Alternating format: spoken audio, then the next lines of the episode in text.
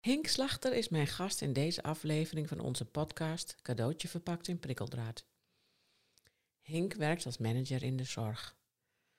Begin 2020 overleed zijn zoon Bas op 23-jarige leeftijd en daarna overleden er nog eens drie voor hem dierbare mensen. Het was en is een zeer heftige tijd. Bijzonder genoeg was Henk in die afgelopen periode ook bezig met zijn afstudeerscriptie over rouw. Deze moeilijke tijd heeft hem naar eigen zeggen inzichten gegeven, getransformeerd en sterker gemaakt. Tijdens het gesprek zoomden we in op zijn transformatie en de inzichten uit zijn scriptie betreffende de werknemerskant en de werkgeverskant als er sprake is van rouw. Zo'n Bas was de rode draad in de scriptie van Henk en dat was hij ook in ons gesprek.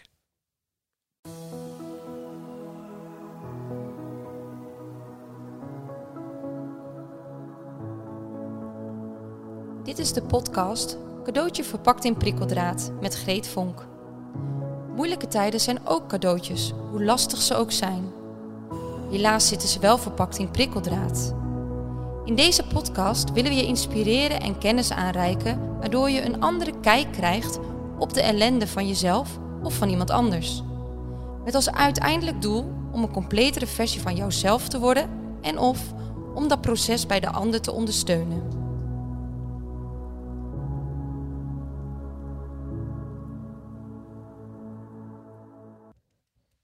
Henk, en welkom. Goedemorgen. Goedemorgen. We zitten hier uh, voor jou op een hele bijzondere plek. Wil je daar iets over vertellen? En dan ja, komt eigenlijk jouw verhaal ook vanzelf, denk Ja. ik wel. Denk het wel. We zitten hier eh, in de Magnuskerk in eh, het Drentse Anlo, twee kilometer van ons huis vandaan.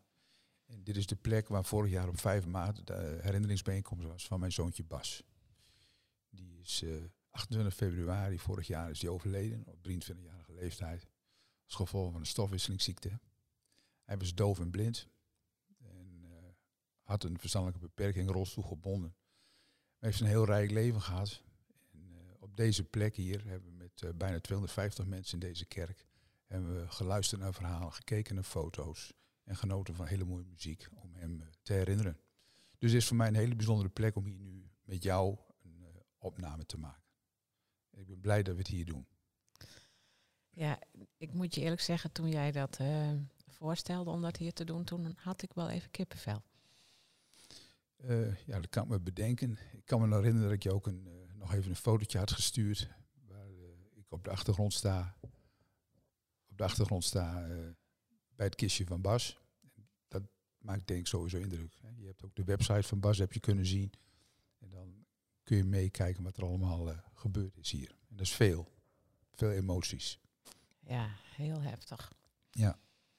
En toch heb jij ervoor gekozen om ook dit verhaal hier te doen. Ja. Wat- Terwijl het wel een hele emotionele plek voor jou is. Ja, is een emotionele plek. We zitten een paar meter af van de plek waar de hele dienst zijn kistje stond. Mhm. En eh, de hele familie eromheen, vrienden, eh, bekenden, eh, collega's. Ja, en ik ben er nu voor de tweede keer weer. Vorig jaar was er een, waren we uitgenodigd voor een einde van het kerkjaar. Dan worden hier altijd kaarsjes aangestoken voor mensen die hier, hieruit een uitvaart hebben gehad. En daarna ben ik hier niet meer geweest. Dus nu voor het eerst weer. En toen ik net met jou binnenliep hier ook, dan eh, kreeg ik toch wel even een brok in de keel. Ja, Ja. precies. Waarom wilde je dat graag hier opnemen? Eh, ik heb het gevoel dat ik heel dicht bij hem ben. Als ik hier ben. En eh, misschien souffleert hij wel een beetje mee. Hmm, Mooi. Ja. Dankjewel. Ja. Hey, wil jij iets vertellen over... ehm, nou ja, jullie hebben een hele moeilijke periode achter de rug. En het is ook nog niet klaar. Nee. Maar wil jij iets vertellen daarover? Want jij, nou ja, je hebt ook naar de hand nog een, een eh, ja, tijdens je studie een scriptie geschreven over rouw. Ja. Maar nou ja, voor we het daarover gaan hebben, denk ik dat het goed is om jouw persoonlijk verhaal Ja. te horen. Zou je dat willen doen? Dat wil ik wel doen. En dan eh, begin ik eigenlijk eh, bij de geboorte van onze kinderen. En met name met Bas. Dat was onze eerste. Dat was in 1996. We waren een paar jaar getrouwd. En, uh, nou, we zouden heel graag kinderen willen. En, Bas werd geboren. Het was een prachtig kereltje, dikke bos haar. En de ASCA-score was goed, hè? de vingertjes klopten, de teentjes klopten. Maar na een aantal dagen merkten we wel dat het toch anders, of anders, we geen vergelijkingsmateriaal, maar het ging moeilijk. Bas wilde niet naar de borst, overstrekte zich. En bij het eerste consultatiebureaubezoek uh, werd er al gezegd, goh, we toch eens even nader onderzoek. Toen had men een huidplooitje gevonden zijn billetjes. Mogelijk een verborgen open ruggetje. Nou, toen zat de schrik er al goed in bij ons. En al heel gauw kwamen we toch in de medische circuit terecht. En na tien weken zaten we bij een neuroloog in het UMCG. En die vertelde ons dat wij een kindje hadden met een eh, neurologische afwijking. En uh, dat we daar ons hele leven heel veel zorg aan zouden hebben. En dat Bas naar alle waarschijnlijkheid nooit zelfstandig zou kunnen functioneren. Nou, dan sta je in de parkeergarage van het UMCG met je maxicosi. En dan stort de hele wereld in. Dus de, de, de rouw, zeg maar, is toen al begonnen. Hè? Van tevoren hadden we ideeën over, tenminste ik zeker. Als een jongetje is, dan ga ik met hem op voetbal. En dan ga ik met hem naar de padvinderij. En ik ga met hem, als die wat groter is, de kroeg in. Dus al die verwachtingen moesten we ter plekke in die parkeergarage al afscheid van nemen. Dat zou hem niet worden. Uh, ja, de, dat was het begin. En dan ga je naar huis, dan ga je dat je ouders vertellen, je schoonouders vertellen. En dan ontstaat toch zeker een uh, mineur. Uh, heel, heel breed in, de familie. En gelijktijdig waren we heel trots op het kleine mannetje. Want een, om te zien was het echt een plaatje, een snoepje. We hebben ook heel veel, toen had je nog niet digitaal, maar hebben heel veel foto's gemaakt, rolletjes volgeknipt. Gelukkig hebben we die nog. En allemaal gedigitaliseerd. En uh, na verloop van tijd werd steeds duidelijker dat Bas toch uh, minder dingen kon als zijn leeftijdsgenootjes. Bas die kon niet zien, Bas kon niet horen. Zijn motoriek bleef achter, zijn groei bleef achter. Voeding ging heel slecht. Bleek dat hij geen slikreflex had. Uiteindelijk is hij geopereerd, kreeg hij een pechzonde. Dus heel lang leek de wereld uh, maakbaar. we konden uh, kleien wat we wilden, we konden er wat moois van maken. En hij was gewoon een gelukkig mannetje in zijn wereld. Hij kreeg alle liefde en aandacht die hij nodig had. Janka heeft twee zusjes gehad. Die zijn heel vroeg overleden, negen maanden en drie jaar. En dan hebben we het over 15 jaar geleden. En als we dan erop terugkijken, dan hebben we toch de overtuiging dat daar uh, ook toen al uh, eenzelfde stofwisselingsziekte uh, gepaard ging. Met overlijden. En toen hebben ze DNA-onderzoek gedaan bij Janke en bij mij en bij Bas. Omdat we nou heel graag een, ja, een tweede kindje willen. En misschien wel een derde. En dat was heel spannend. Want Bas was inmiddels drie. En Janke was zwanger. En hebben we toch een DNA-test uh, laten doen. En dat kwam uit dat Bas een, uh, een stofwisselingsziekte had. Daar konden ze op testen, zeg maar. En toen de arts belde om te vertellen dat het allemaal gezond was, kans van 1 op 4, dat het allemaal gezond was. Nou, dat vond ik nog mooier als de bevalling zelf. ja.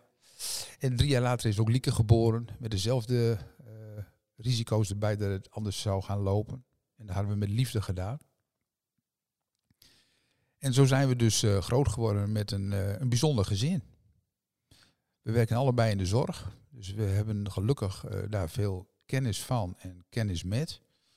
We hebben toen zorg ingekocht. Toen had je nog een PGB. We hadden mensen in huis. We hadden hulpverleners in huis. We hebben een, zelfs een, een samenwerkingsverband geïnitieerd tussen GIO en Visio. Waar een, nieuw onderwijstype uit voorrolde. Dat was toen nog de Dikkie Dik. Waar zorg uh, aan de doven en de blinden zeg gecombineerd werd. En uiteindelijk uh, werd Bas ouder. Uh, Bas is heel ziek geweest in 2006. Ehm, het huis is meerdere keren verbouwd en ook een, een hoog-laag bed en een aangepaste douche, douchebrankaas. Maar hij werd heel ziek en we we dachten dat hij zou overlijden in 2006. Hij woonde maar, ik geloof, van 14, 15 kilo. Maar hij heeft het gered. Het is echt wel een vechtertje geweest. Tot de laatste toe. En uh, toen hij 18 was, toen hebben we een, toch een hele pijnlijke beslissing genomen. Vonden we eigenlijk zelf. Want wij hebben de keuze gemaakt dat hij uit huis moest. Normaal gesproken als kinderen 18 zijn, wilden ze zelf graag uit huis. Hè, omdat ze hun ouders zat zijn. of op kamers willen wonen. De stad willen ontdekken. Maar eh, Bas had het goed thuis. Maar we hadden natuurlijk ook Jesse en Lieke. En die waren eh, drie en zes jaar jonger en die hadden ook weer aandacht nodig. Want alle, eerlijk is eerlijk, heel veel aandacht ging toch wel altijd naar Bas. Bas is toen gewoon in Fries, hier 15 kilometer hier vandaan. Op een eh, plek waar hij al heel vaak logeerde met allemaal andere doofblinde kinderen. En daar heeft hij het geweldig gehad. Echt super.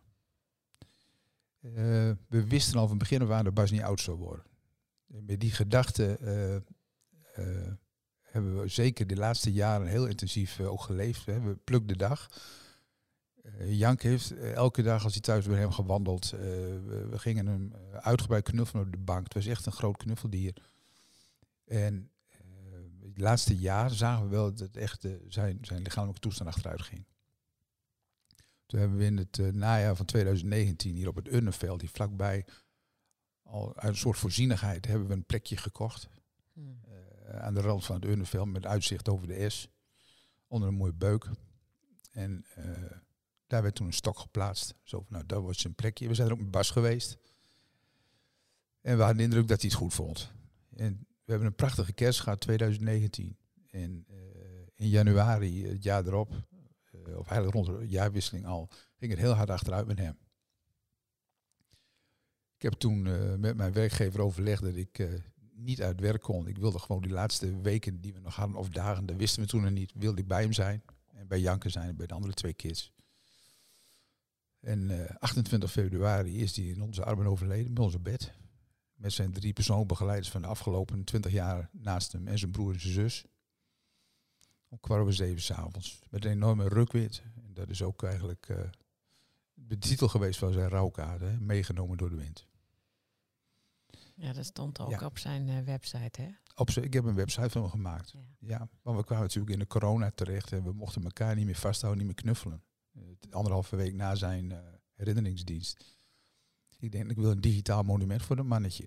Waarin iedereen nog eens een keer kan terugzien eh, wat voor muziek, wat voor films, wat er gesproken is. Dus we hebben een website gemaakt voor Bas. Ja, ik mocht dat lezen. Ja, Heel indrukwekkend. Echt mooi. Heeft dat ook eh, bijgedragen aan, ja, aan, jullie, aan jullie proces daarna, om dat, dat zo te doen?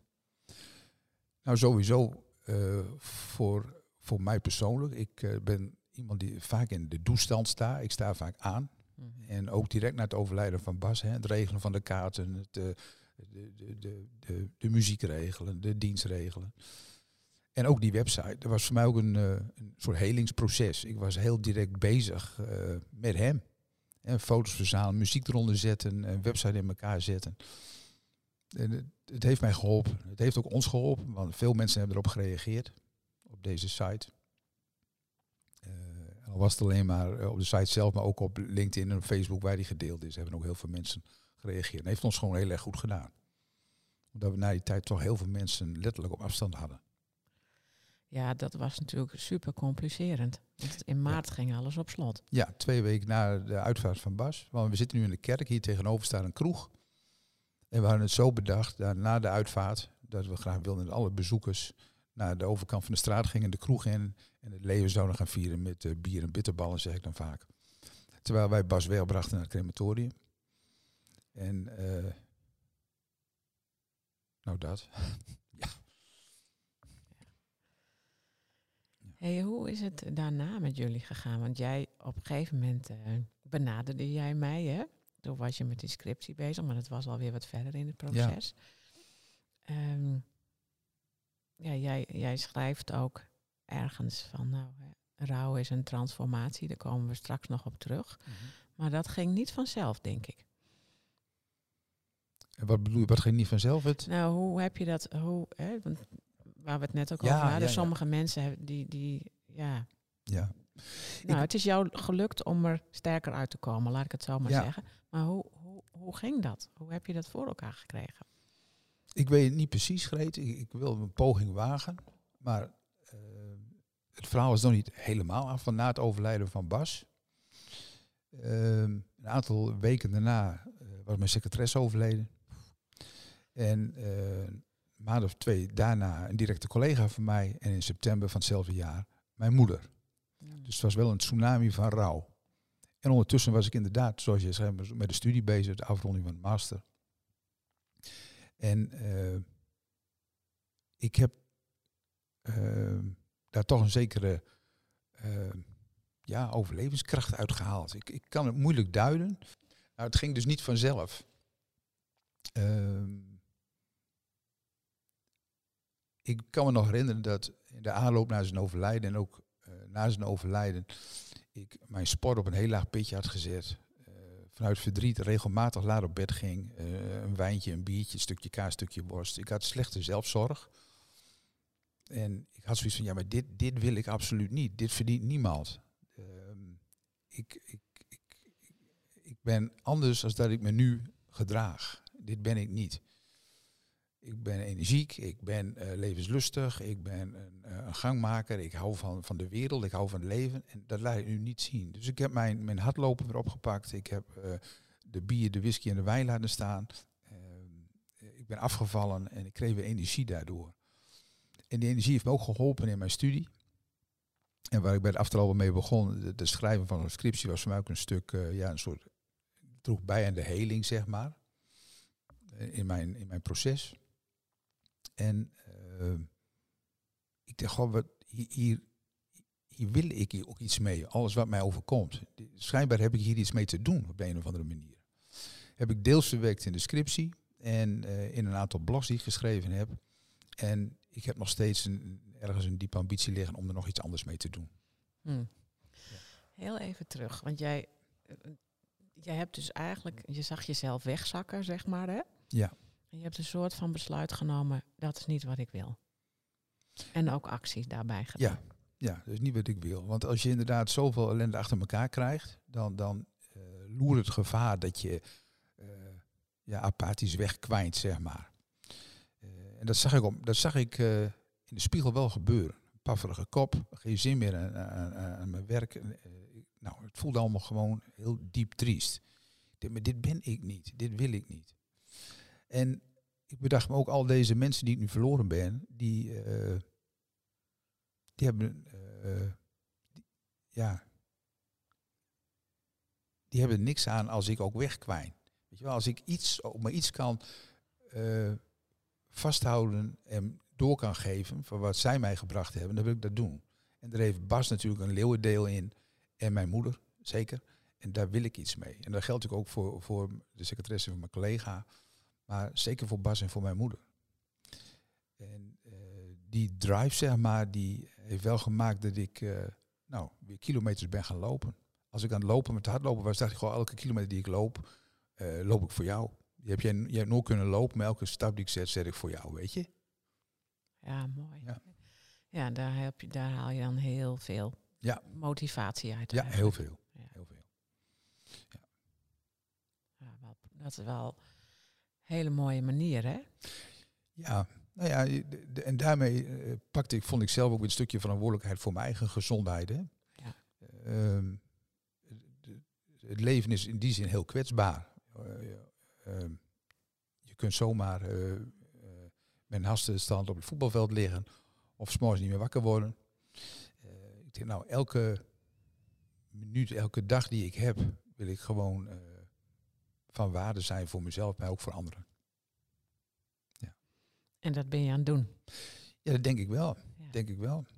Hoe gaat het nu met jou, met jullie? Um, zo voor zover het op een schaal kunt zetten, dan denk ik dat we heen en weer schommelen. Mm -hmm. Ergens in het midden. Een beetje zo'n lemmiskaat, zeg maar. En, uh, soms dan worden we overvallen door verdriet. En uh, soms ook door dankbaarheid en door kracht we merken wel dat er verschil is tussen uh, Janke en mij, mijn vrouw. Uh, en of dat komt uh, omdat ze de navelstrang daar nog tussen heeft zitten, omdat ze Bas gedragen heeft. en ik niet.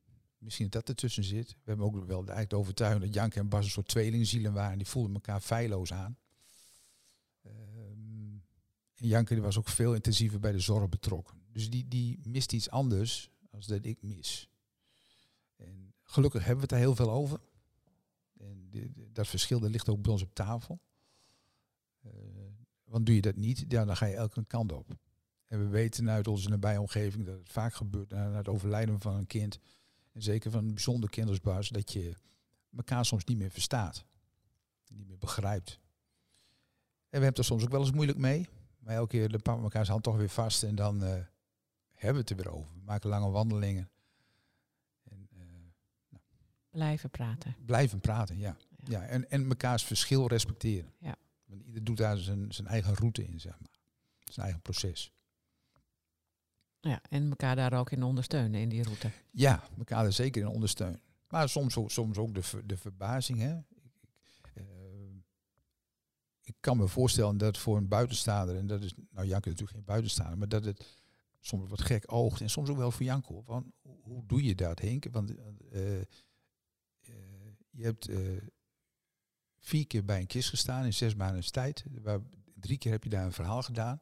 Van mensen die je naast stonden, die je lief had. Eh, en dan toch ondertussen ook nog een, een, een studie afronden. Hè. De, eh, en dat knaagde wel aan mij. En ik heb ook heel vaak in de spiegel gekeken en dacht ik van, goh, huil ik wel genoeg? Ben ik wel verdrietig genoeg?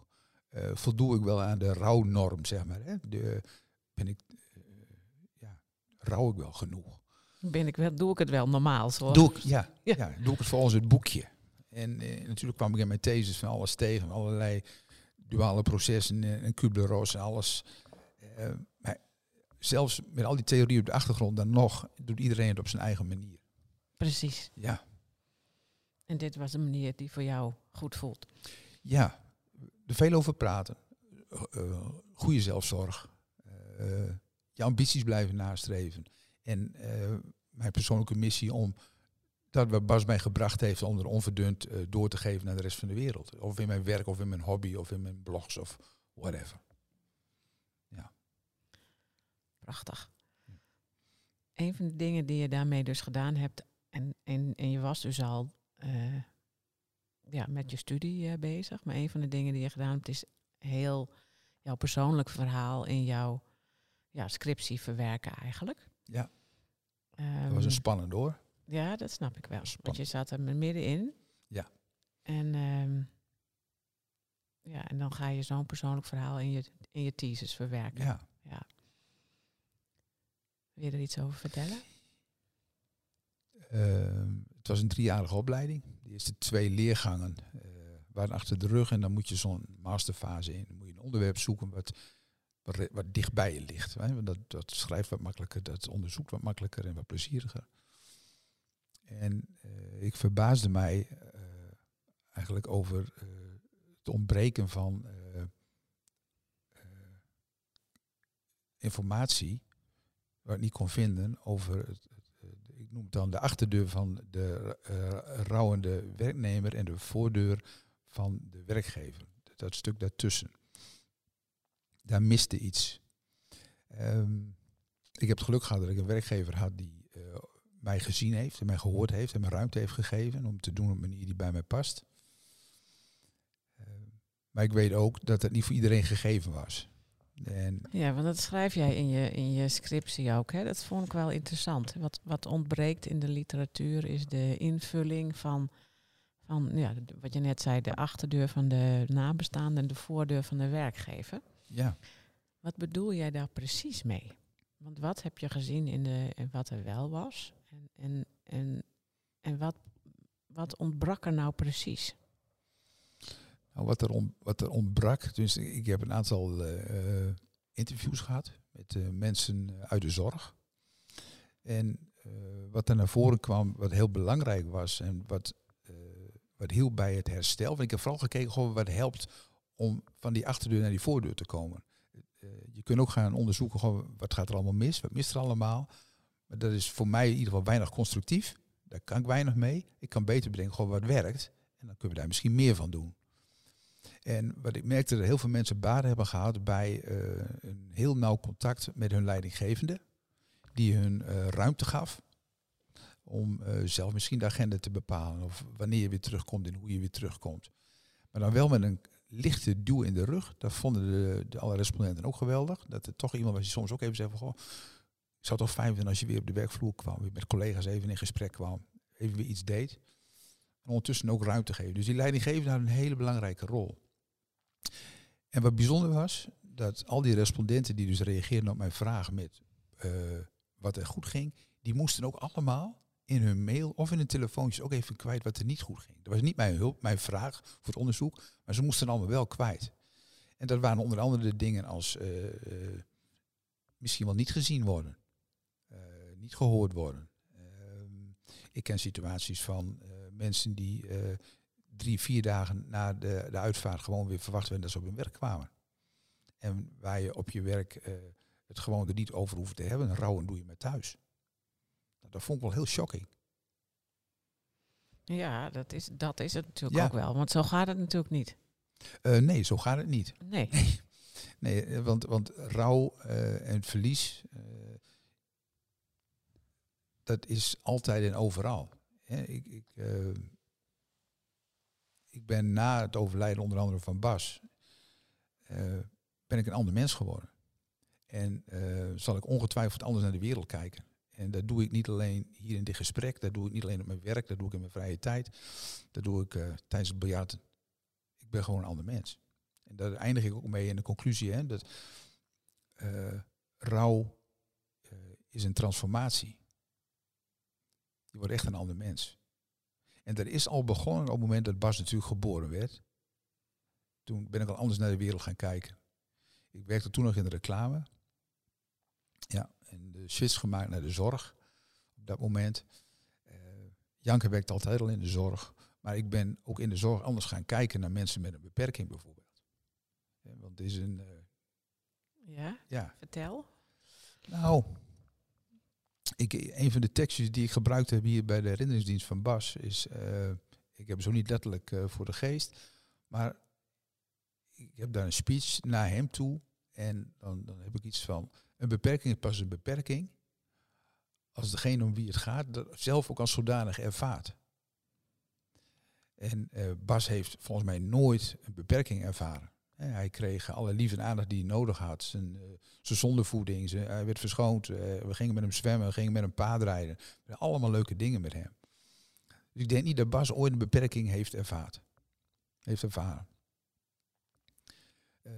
En zo kijk ik nog steeds naar mensen. En op het moment dat wij uh, het hebben over een beperking, dan ligt er ook een norm onder. Hè, van wat, wat goed is en wat niet goed is.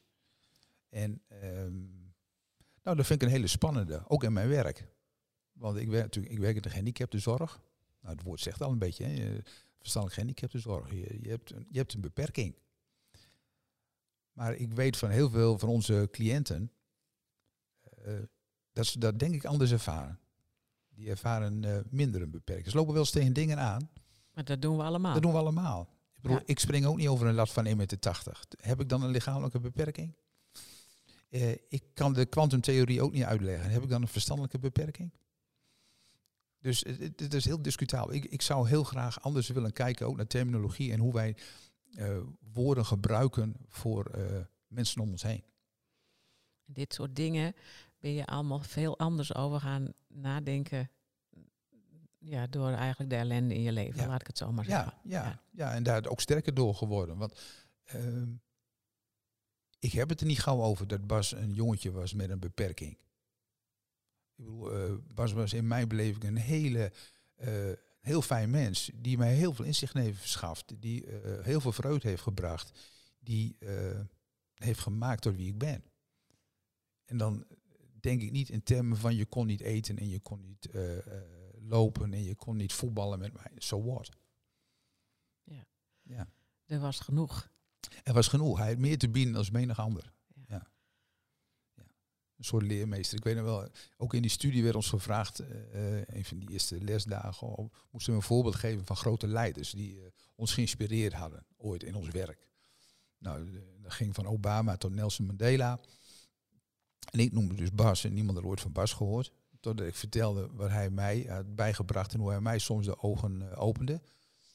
En, toen zijn ook mensen ook anders gaan kijken naar hun voorbeelden, zeg maar. Gewoon, wie zijn nou echte voorbeelden voor mij? Dus ik ben nog steeds heel trots op dat mannetje. Prachtig. Ja. ja.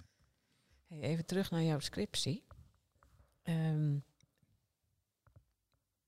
jij, uh, jij eindigt dan inderdaad met een, ehm, met een ja, conclusie van eigenlijk, hè.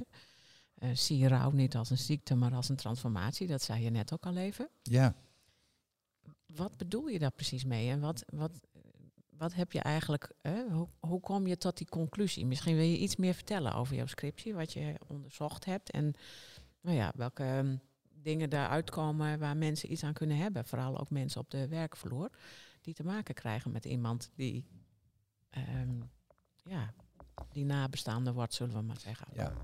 ja, in mijn onderzoek was wel duidelijk dat er, eh, als je ervan uitgaat dat er per jaar in Nederland zo'n 150.000 mensen eh, komen te overlijden. En iedereen vier directe nabestaanden heeft. Over 600.000 mensen die elk jaar te maken krijgen met verlies. Nou, een groot gedeelte daarvan is aan het werk of heeft met werk te maken.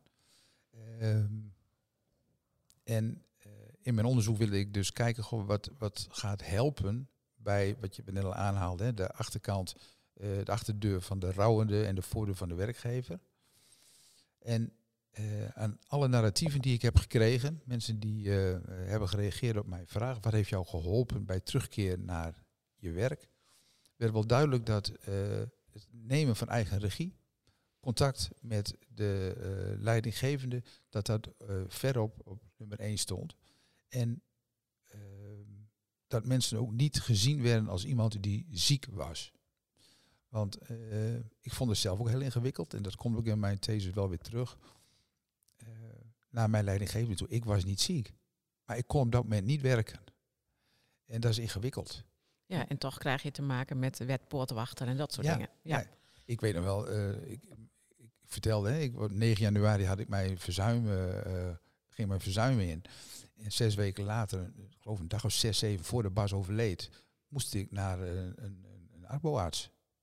Moest ik een gesprek voeren. En dat was een hele jonge meid. En ik vertelde dat op, terwijl wij daar zaten, ik zei, ligt mijn zoontje te sterven op dit moment. En eh, nou, er werd een heel eh, een huilgesprek. Ook de persoon in kwestie die hield het niet droog. Die had zoiets van, ja, maar wat doe je hier dan? Hè? Je moet eigenlijk thuis zijn.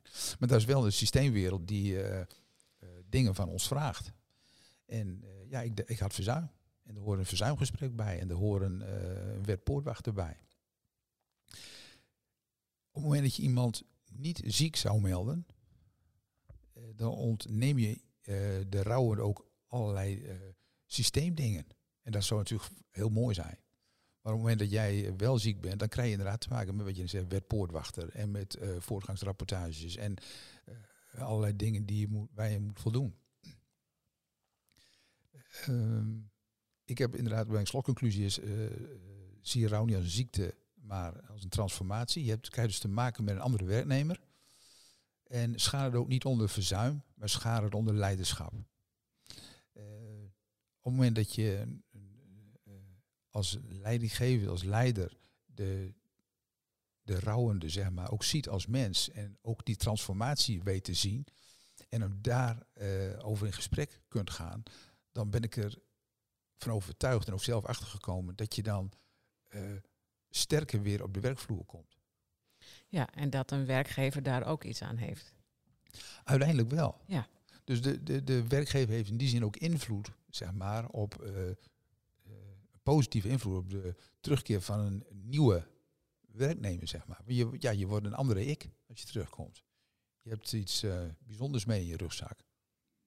Ja, precies. Nou, dat, dat, nou ja, jij kwam op een gegeven moment eh, in contact met ons omdat je ons boek eh, had gelezen. Ja, Patronatische groei, sterker ellende. En dat had je, heb je ook in je, in je scriptie eh, ver- Ja. gebruikt, hè? ja, Ehm, eigenlijk komt het erop neer dat hoe heftig de ellende ook is in iemands leven. Want ja, als je een kind verliest of een, nou ja, iemand anders die heel dicht bij jou is, dat is gewoon ja, super pittig. ja, Ja, daar hoeven we, daar hoeven we niet te veel woorden over. Dat, dat is gewoon ontiegelijk heftig. En toch kun je ook juist van dat soort dingen in het leven leren. Hoe moeilijk het ook is, hè? dat schrijven wij ook. ja, En mensen ja, kunnen zich dan door, door zo'n periode eigenlijk ontwikkelen. Hè? Een, een soort van completere versie van zichzelf worden. Ja dat, is, dat, dat, is, dat is terecht wat je zegt. Je, je wordt sowieso een ander mens. Nadat je zulke dingen hebt meegemaakt. Zo, in, zo, zo heftig wat je zegt. Uh, maar je wordt ook een nieuwe versie van jezelf. En uh, wat ik ook aangaf, je, ik kijk ook anders naar andere mensen. Anders naar situaties. Uh, wat beschouwender, minder oordelend. Meer omarmen wat er is. Ja, ja nou ja, er is natuurlijk, hè, je, je kunt heel veel dingen uh, leren eigenlijk door, door moeilijke dingen in het leven. Ja, daar kun je uh, boeken over vol schrijven, maar uh, nou ja, in de wetenschap zijn dat eigenlijk een paar gebieden. En, en een daarvan is dat je heel anders met relaties omgaat. En ander is en dat je nieuwe mogelijkheden ziet in het leven. Nou, dat, dat, dat hoor ik bij jou ook. Hè? Dat je zoiets van, ik wil hier iets mee en hoe weet ik nog niet. Maar dat soort dingen. Ja. En, en ook zoiets als hè, dat je, je eigen kracht en, en allerlei talenten die je hebt eigenlijk ontdekt. Ja, nou ja je, je, eh, je, als ik dan bij mezelf hou, je, ik, je stapt ook een beetje uit de, de maalstroom. Hè? Op een gegeven moment zit je in bepaalde routines ook in je, in je leven. En zulke heftige gebeurtenissen zo vlak achter elkaar en zo intens. Dat is zo ook een beetje een wake-up call geweest. Zo, maar ik ben nu 60. En uh, wat wil ik de wereld nog brengen? Hè? Ik heb toen ik hier uh, vijf meter verderop hier naast zijn kistje stond, toen kwam er ook in mijn speech naar voren dat ik dat wat hij gebracht heeft, zeg maar, uh, onverdund wil doorgeven aan de rest van de wereld. Ik weet het niet, het klinkt heel groot, maar ik wil het klein doen in elk geval, klein beginnen. Ik weet nog niet hoe, maar wel dat ik het ga doen. En ik, ja. Welke boodschap zou jij dan, heb je daar al een idee bij? Ja, nou ja, we, paar linia's terug heb ik al even genoemd. Hè, de, ik, ik, ik ben gezond kritisch als het gaat om woorden. En als je het hebt over mensen met verstandelijke beperking of met lichamelijke beperking, dan leg je al een norm op. Ik snap dat het handig kan zijn voor zorgverzekeraars of voor, voor methodieken of voor het inrichten van een organisatie. Maar het zou mooi zijn als je uh, die terminologie niet zou hanteren, maar gewoon kijkt naar iemand die aanvullend ook op jou kan zijn. En net als ik aangaf dat ik heel veel van Bas geleerd heb, uh, zo kan ik me ook voorstellen dat heel veel mensen in de zorg heel veel kunnen leren van de mensen die daar wonen. En dat je ze dus niet ziet als iemand met een verstandelijke beperking of lichamelijke beperking, maar dat je hem ziet als een uh, volwaardig mens, waar jij ook iets van te leren hebt. En dat zou ik op een of andere manier wel willen doorgeven. Maar ik weet nog niet precies hoe. Ja, nou, maar dat is een hele mooie. Ik denk, ik heb um, kort geleden uh, het boek gelezen van uh, Floortje Schepers. Zij komt ook nog in deze podcast. En haar boek gaat over mensen zijn ingewikkeld. En daar staat een heel mooi plaatje in over wat is eigenlijk de norm en wat is dan normaal. En als je niet binnen binnen het, het, het, grafiekje eh, in een, de norm past, dan ben je zogenaamd niet normaal. Maar hoe, wie, wat zegt dat eigenlijk? Ja. Ja, dat is eigenlijk waar jij ja, ook. Ja, nou. waar jij. Uh, Heb ik nog iets te lezen? Ja, dat is mooi. Ik ga hem voor je kopen. Hartstikke goed. Dankjewel. Ja. Um, als jij nu terugkijkt, hè? Um, je hebt die uh, scriptie uh, in die periode afgerond. Um, en dan schrijf jij ergens in je scriptie, en dat vond ik echt wel mooi, en, en ook kijkend naar jouw eigen verhaal. Werkhervatting na verlies van een dierbare is geen vanzelfsprekendheid.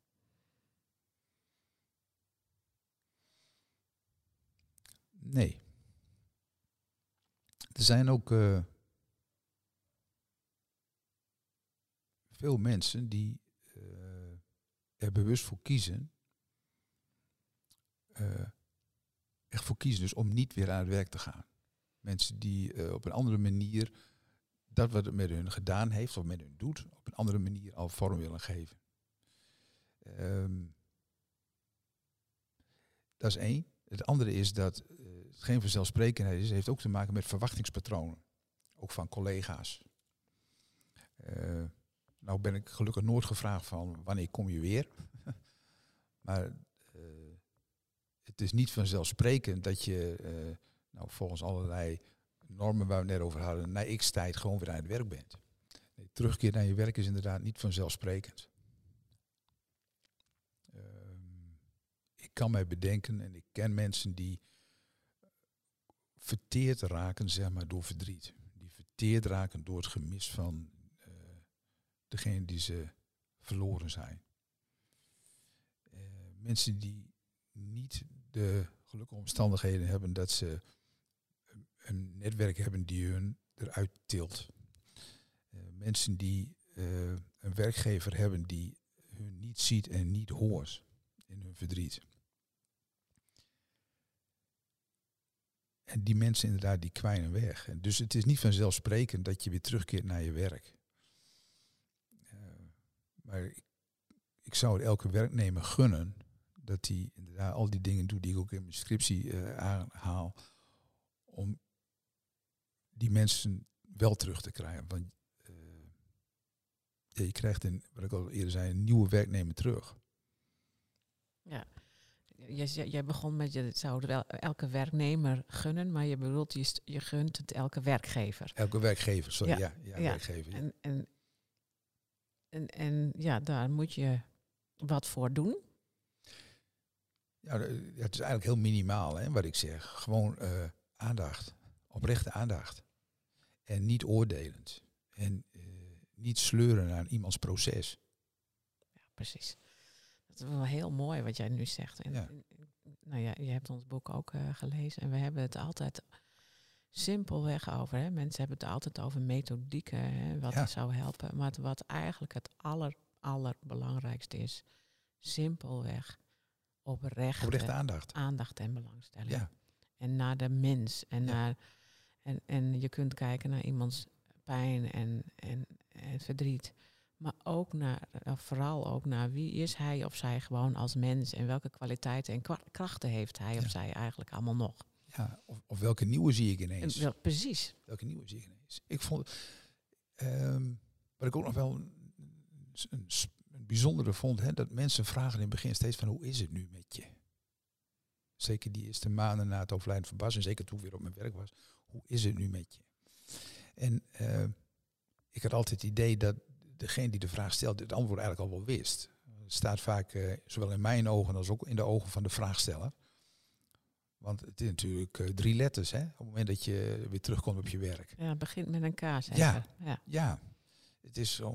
En toen was er iemand en die stelde mij een hele mooie vraag. Ik dacht, goh, ik wou dat, dat ik deze vraag zelf bedacht had. Die zei, hoe vind je het om weer terug te zijn hier op kantoor? Ik dacht, dit is een mooie vraag. Het gaat en over mij en het gaat over het werk. Ja. En ik hoef, hoef, even niet te vertellen dat ik mij K voelde die ochtend. Of dat ik huilend ben wakker geworden. Of dat ik uh, huilend op bed ben gegaan. Hoe vind je het om hier weer te zijn?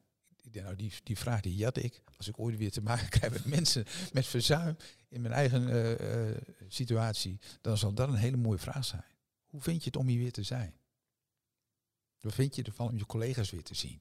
Ja, dat geeft ruimte. Dat geeft ruimte. Ja op het moment dat je hoe is het met je, ja, dan moet je wel, ja, dan, als je dan zegt, ga niet zo heel goed met mij, dan, en dan zit je weer op die norm, hè, van uh, gaat het slecht, uh, beter of gaat het weer goed met je? En dat weet je natuurlijk dan helemaal niet. En het gaat soms ook per minuut heen en weer. Gaat, ja, ja, ik kan soms hele mooie gesprekken voeren en dan in één keer dan gebeurt er iets, wordt er iets aangehaald of iets opgeroepen of er komt iemand voorbij of ik zie iets en dan uh, ja, wordt er op een knopje gedrukt. Ja. En dan is het even anders. Ik wil niet zeggen dat het dan mis is, maar dan is het even anders. Ja, en dat, en, nou, dat is ook wel heel mooi van uh, wat ik ook zie bij jou, van, uh, ook in dit gesprek. Van, soms dan ben je even diep geraakt en dan het volgende moment dan, dan is het weer. En dat kan. Ja, en ook in dit gesprek. Hè, dan zijn er momenten bij dat ik denk, oeps, dit komt, ja, dit, dit gaat. Het antwoord moet ik heel diep vandaan halen. Zo, ja. wel geraakt door de vraag. Ja. ja. Wij hebben het altijd, ehm, ook bij ons, daar schrijven wij ook veel over, dat het zo belangrijk is om je emoties de ruimte te geven. Hè? Mhm. En dat dat er mag zijn. En als je dat goed doet, en dat, dat, dat zie ik bij jou eigenlijk al wel gebeuren, dan kun je dat dan ook gewoon heel snel doen soms. Hè? Je hoeft niet uren te huilen om iets. Soms kun je in een, in een, in, in, in een split second iets verwerken, iets verteren. Ja. Ik, twee weken geleden kwam ik terug s'avonds van een bootcamp. En eh, ik stapte in de auto, het was acht uur of kwart over acht. En ik had de Sky Radio aan en ik hoorde het nummer The Roadhead is Empty. En dat is een van de vijf nummers die gedraaid is in deze kerk. En ik denk, wat een toeval hè, dat ik dit hoor. En uh, nou, dat riep gelijk emoties op. Ik stond natuurlijk uh, onder spanning. Hè. Ik had een stevige bootcamp ge gehad. En dan zit je in de auto bezweet en dan hoor je dat nummer. En de tranen liepen over de wangen. En allerlei associaties weer naar deze plek toe en naar Bas toe. En na het moment van zijn sterven, echt dat puur sec, dat moment, wat heel intensief en heel intens was. En dat nummer werd gevolgd door Raise Me Up. Hmm. Dat nummer werd hier ook gedraaid. Nou, ik denk, wat een toeval in de auto. Nou, ik heb dus van de bootcamp naar huis, en zo ongeveer 20 minuutjes rijden. Ik heb toch zin in een Blair. Dan, dan, dat is zo'n moment, dan komt alles er even uit. En de familie zag het thuis ook weer. En dan is thuis, dan is het ook weer gewoon wat er dan zich aandient. Daar, daar ga ik dan weer mee verder. Dus het kan soms zomaar gebeuren. En uh, daar hoef ik ook niet weg te stoppen of zo niet. Dat, dat is er gewoon. Ja. Ja. Ja. Ja, dat denken mensen heel vaak. Hè? Dat als je dan verdrietig bent, dat je dan um, de hele dag verdrietig bent. Ja. En dat is niet zo. Nee, of dat je dan met rust gelaten moet worden of zo. Ja.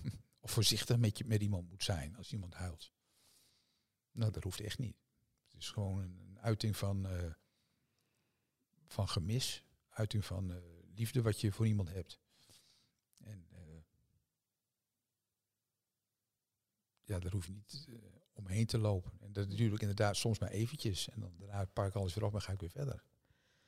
Hoe, hoe, hoe als jij nu, hè, want je bent ook manager, hè? Ja.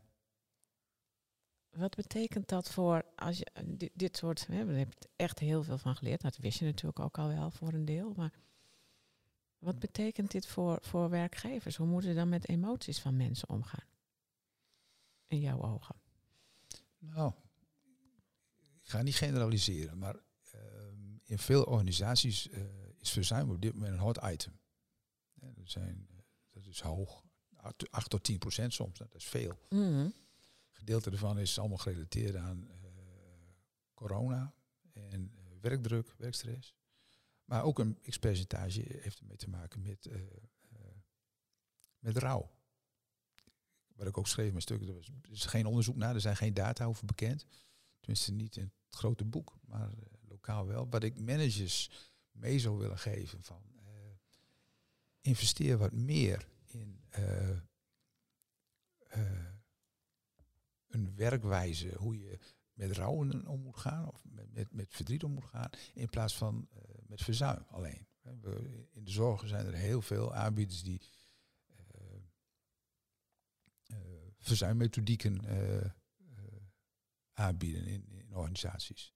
En daar zit iets goeds in, maar daarnaast zou ik heel graag zien dat er meer tijd en aandacht komt uh, voor uh, nou, de rouw. En dan niet zoals ik schrijf, hè, uh, vanuit verzuim, maar gewoon als leiding, als, ja, leid, vanuit leiderschap.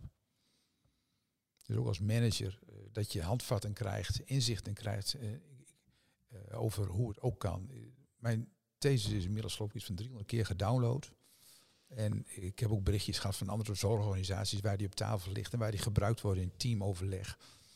En dat vind ik mooi. Dan denk ik, dan is het in ieder geval een onderwerp. En dan hoop ik dat zowel de, de teams, de medewerkers, maar ook de leidinggevenden hier iets mee gaan doen. En dan even weer terug op wat je net ook al aanhaalde. Hè. Gewoon ook die in voorkomende situatie, die oprechte aandacht hebben voor die, voor die medewerker. In situaties waar het gaat om rouw. Dat je er echt voor iemand bent. En wat ik ook zei, niet aan processen gaan liggen sjorren, dat het sneller moet of anders moet. Nee, precies. En nou, dat gun ik alle, alle leidinggevenden. Ja, en ook de mensen die rouwen. En ook de mensen die rouwen. Juist, de mensen ja. die rouwen. Ja, en, en uh, nou, als je die ruimte krijgt op het werk, dan, nou ja, wat we net ook al zeiden, dan, dan kun je als een complete mens of als een nieuwe versie van jezelf, hoe je het wilt ja. zeggen, kun je, kun je weer terugkomen. Ja. ja. En die voorbeelden heb ik ook. Ik, in mijn uh, 18 uh, interviews die erin staan, zijn van verschillende zorgorganisaties. Mensen die gereageerd hebben, ook van ook collega's van mij. En als ik dan zie hoe, hoe sterk die er nu weer in staan, dan denk ik, potverdikke, wat mooi. En die hebben eh, ook het geluk gehad dat ze in een situatie zijn geweest waarin ook hun leidinggevende, hun manager, ook oog en oor had voor hun. Ja. En dat is dus eigenlijk wel, hè, de, dat vind ik wel heel mooi bij jouw scriptie. Nou, daarom, daarom, vind ik het ook fijn dat we het er in deze podcast over kunnen hebben. Um, dat je ja, ja, dood hoort bij het leven. En, ja. En, en, je, en je bent ook uh, aan het werk. En um, ja, je kunt daar echt sterker uitkomen. Maar de omgeving, de werkomgeving, en dat schrijf jij ook ergens, dat vond ik ook wel mooi, bepaalt in belangrijke mate de heling van een rouwende medewerker na het verlies van een dierbare. Dus je kunt er gewoon heel veel doen, van doen als werkgever. Ja, als werkgever uh, heb je heel veel invloed op de heling van een, een, een rouwende medewerker. En uh, nou, ik zou wensen dus dat, dat werkgevers zich er heel goed realiseren en daar ook die stappen in nemen die, die ook inderdaad ertoe doen. En dan kom ik even terug op net. Uh, op het moment dat je iemand in de verzuim uh, la zet, dan komt er vaak een hele systeemwereld op af.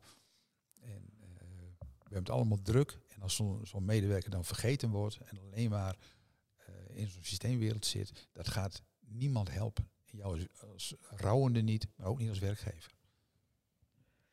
Ik vind dat wel een mooie afsluiting van onze podcast voor wat betreft dit stuk. Maar misschien wil je nog iets als afsluiting zeggen.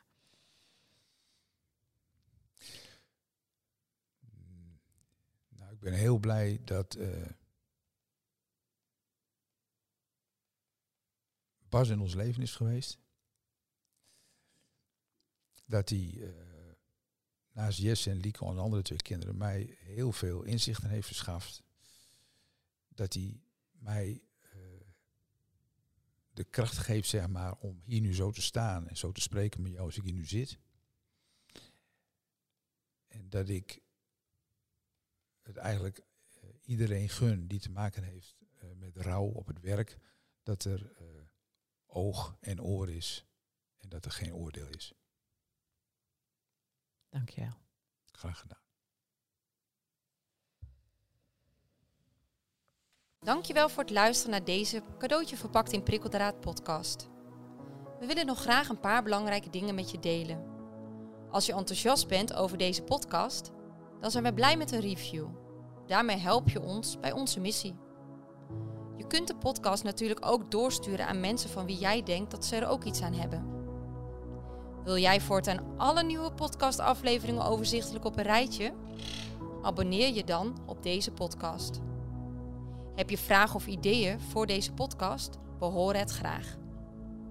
Je kunt een mail sturen naar info@sterkerdoorellende.nl of Greet Vonk een bericht sturen op LinkedIn. Zoveel mensen kunnen profiteren van een andere kijk op ellende. Het is daarom onze missie om PTG bekender te laten worden dan PTSS. Wil jij meer weten over PTG of bijdragen aan onze missie? kunt op onze website www.sterkerdoorellende.nl onze boeken bekijken en eventueel kopen, de e-learning bekijken, een gratis inspiratiesessie volgen, de PTG vragenlijst invullen, workshops en opleidingen boeken. We hopen dat deze podcast jou heeft geïnspireerd, zodat je in tijden van ellende in jouw leven of werk kiest voor het positieve en hoopvolle gedachtegoed van PTG. Voor jouzelf, je familielid, je vriend, vriendin collega, klant, voor wie dan ook. Tot de volgende keer.